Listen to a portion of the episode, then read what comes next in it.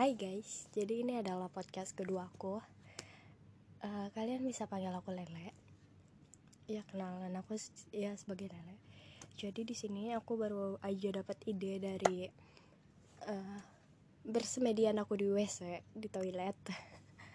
aku habis pup sambil ya ngerokok dan akhirnya aku terbesit ide kayak kenapa enggak aku bikin podcast tentang how to be single mother. Jadi di usia aku yang sekarang yang ya sekiranya 20 tahun di mana aku masih kayak masih pengen main masih pengen punya banyak teman terus tiba-tiba aku harus menjadi seorang orang tua tunggal untuk anak aku yang di mana aku harus menjadi ibu sekaligus ayah untuk anakku di usia 20 tahun ini gak gampang sih buat ngejalaninnya. Apalagi untuk jadi single mother. Ya namanya anak perempuan. Pasti pengen dong disayang. Apalagi sama pasangan. Pengen banget dimanja kan. Tapi kayaknya gak bakalan bisa ke aku deh. Soalnya aku udah berpisah dengan suamiku setelah anakku berusia 10 bulan anakku seorang wanita juga. Terus aku harus membesarkan ia seorang diri karena ya dari seorang ayah yang kurang bertanggung jawab. Yaudah akhirnya aku mau bagiin tips aja buat kalian-kalian yang dengerin podcast aku. Karena aku ngerasa kayak gue harus fight dengan keadaan gue. Di mana banyak remaja-remaja juga yang ngejalanin kayak aku. Jadi mereka berhubungan seks sebelum nikah. Dan akhirnya mereka hamil.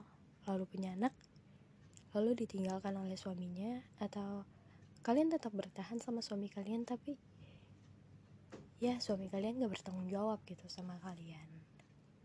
Kayak gitu. Terus gimana sih caranya aku fight sama keadaan aku yang sekarang kenapa sih aku bisa uh, sampai berpisah dengan suamiku? Apa yang kurang tanggung jawab dari dia? Kayak gitu. Step per step pertama dari aku kalau misalnya kalian ngejalanin kayak aku dan kalian belum terjerumus sampai ke hal yang membuat kalian bertahan dan harus berkomitmen dengan pria itu kalian harus udah tahu nih kalian toxic di relationship kalian hubungan kalian tuh kayak every day every time kalian harus seks terus setiap hari atau setiap saat atau ketika pasangan kalian marah ke kalian kalian lampiasin melalui seks udah stop jangan diterusin lagi. Kalian berhenti sama pacar kalian mau sesayang apa pun mau serusak apa pun kalian sama pasangan kalian mau sebebas apa pun kalian sama pasangan kalian kalian gak akan bahagia. Karena pasangan kalian cuman ada nafsu aja ke kalian. Gak ada rasa sayang sama sekali. Kalau pasangan kalian sayang sama kalian nggak akan ada hawa nafsu itu. Hawa nafsu akan kalah dengan rasa sayang. Kayak gitu. Jadi kalian kalau misalnya udah berubah nih kayak ih kok gue every time always sex ya? Gimana ya caranya ya biar gue nggak sama dia ya lu harus putus sama dia biar lu tuh nggak ngerasain apa yang gue rasain. Karena ketika lu udah hamil dan tiba-tiba suami lu berubah dan ya udah dunia lu hancur sehancur hancurnya gue yakin. Karena gue juga ngerasain itu hancur sih. Jadi pas gue pisah sama suami gue gue bener-bener ngerasa kayak udah dunia gue udah cukup sampai sini gue udah gak punya dunia yang bahagia. Karena gue masih muda dan gue gak ngerti cara ngurus anak kayak gimana. Dan ya gue harus jadi seorang ayah dan seorang ibu sekaligus dalam waktu yang bersamaan untuk anak gue. Dan akhirnya gue menyakiti diri gue sendiri. Gue ngurung diri mengurung diri di kamar. Terus gue every time nangis tiap malam. Terus sekalinya gue nggak bisa tidur benar-benar sampai kayak dua hari gue nggak bisa tidur. Begadang aja. Tapi nggak ada rasa ngantuk sama sekali. Sekalinya gue tidur gue kayak orang abis minum obat tidur.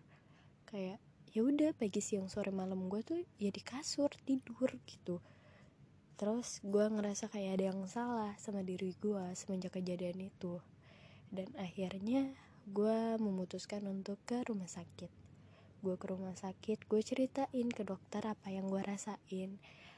Akhirnya gue ten gue ternyata butuh tenaga yang tenaga medis yang lebih tinggi dari sekadar dokter ini ya dokter biasa dokter umum gitu. Akhirnya gue dirujuk lah ke psikiater. Pas di psikiater ternyata gue kena diagnosa dokter yaitu mixed anxiety and this depressive disorder. Dan akhirnya gue dapat obat. Sebelum gue minum obat ya sebelum gue minum obat itu pikiran gue negatif terus. Kayak gue pengen bunuh diri gue pengen bunuh diri kayak gitu. Kayak udah dunia gue hancur ketika dia nggak ada di hidup gue ketika dia nggak nyemangatin gue kayak udah lu nggak punya penyemangat hidup lagi kayak gitu. Apa sih yang bikin lu semangat? Nggak ada cuman dia yang bisa ngertiin lu gitu. Terus akhirnya gue minum obat. Setelah gue minum obat ngerasa baikan karena pas gue baca di Google sih ternyata obat itu bukan mengurangi rasa depresi cuman dia mengaktifkan sel eh menonaktifkan sel-sel yang gak harusnya aktif. Jadi ada sel-sel negatif yang harus dimatiin dan diubah ke sel-sel yang positif. Nah setelah gue minum obat itu emang kayak oke okay, sel-sel positif gue mulai jalan. Dan gue ngerasa kayak gue harus minum obat dan kalau misalnya gue nggak minum obat udah pasti gue pikiran gue negatif banget. Terus setelah itu ya sempet kayak seminggu obat gue habis. Terus gue berpikiran negatif lagi gue nyakitin diri gue lagi balik lagi seperti awal. Gue kayak ngerasa sia-sia aja dong kalau misalnya gue minum obat tapi gue tetap kepikiran dia. Karena apa? Karena ya lu minum obat buat ngehilangin pikiran negatif lo itu tentang dia. Buat ada pikiran positif lo buat maju ke depan. Tapi kalau misalnya gue minum obat terus gue masih mikirin dia percuma aja. Nggak bakalan berguna obat itu kayak gitu. Terus akhirnya setelah gue minum obat akhirnya pikiran positif gue ada lagi. Gue mulai fight sama diri gue sendiri kayak apa sih Nel yang lu pikirin dari dia? Lu udah toxic sama dia. Dia udah gak sayang lu.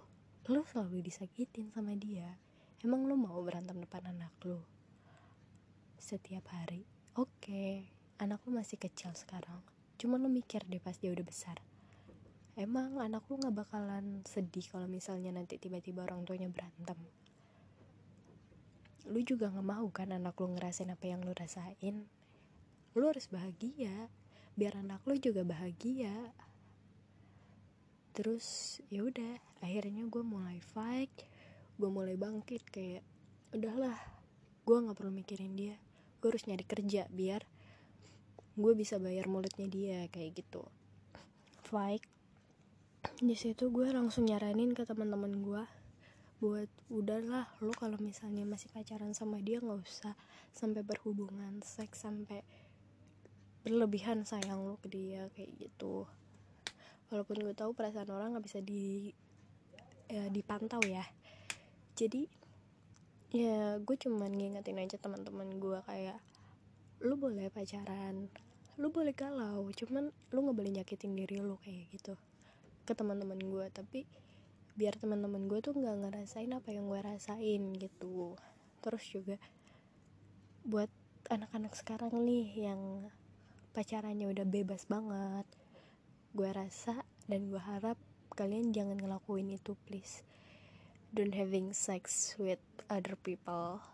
Karena pertama lu bakalan terkena penyakit menular meskipun lu pakai kondom sekalipun penyakit menular menular itu ada. Terus habis itu kalian bisa hamil. Meskipun keluarnya di luar gue yakin ya pokoknya menurut studi itu tuh ada sel-sel yang keluar sedikit-sedikit gitu. Jadi dia bakalan menetap di dalam perut lu dan dia akan membuahkan anak dalam perut lu kayak gitu meskipun keluar di luar sekalipun ya. Terus juga udahlah pacaran sehat aja. Nggak usah terlalu ngekang pasangan kalian. Kayak every time lu harus sama gue. Nggak kayak gitu. Kayak pacaran tuh harus saling support. Nggak bukan mengakang kalau mengakang itu ya bukan pacaran namanya. Apa ya orang tua gue aja tuh nggak pernah ngekang gue banget. Mungkin itu ya sebabnya kali ya gue jadi gini. Tapi ya jujur emang gitu. Jadi buat temen-temen gue yang di luar sana yang pacarannya sehat makasih banget kalian udah pacaran sehat. Yang sampai lima tahun pacaran pun nggak pernah ngapa-ngapain please. You're so happy people please. Gue pengen kayak gitu tapi kayaknya susah. Tapi ya udah nggak apa-apa. Gue nggak menyesali apa yang udah terjadi. Dan gue berharap ke depannya gue akan menjadi lebih baik buat diri gue sendiri buat anak gue dan buat keluarga gue pastinya. Karena ketika gue down pun sekalipun keluarga gue ada buat gue. Yang awalnya gue kira udah gak ada ngertiin gue lagi.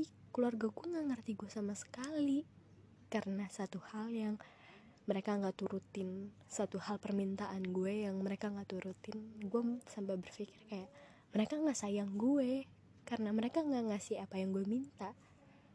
Tapi pacar gue yang toksik ngasih apa yang gue minta. Kayak gitu. Jadi gue sal udah salah kaprah duluan sih sebelumnya tentang keluarga gue. Terus akhirnya ya udah setelah itu gue mulai berpikir kayak oh keluarga gue ternyata ngedukung gue selama ini. Guanya aja yang batu gitu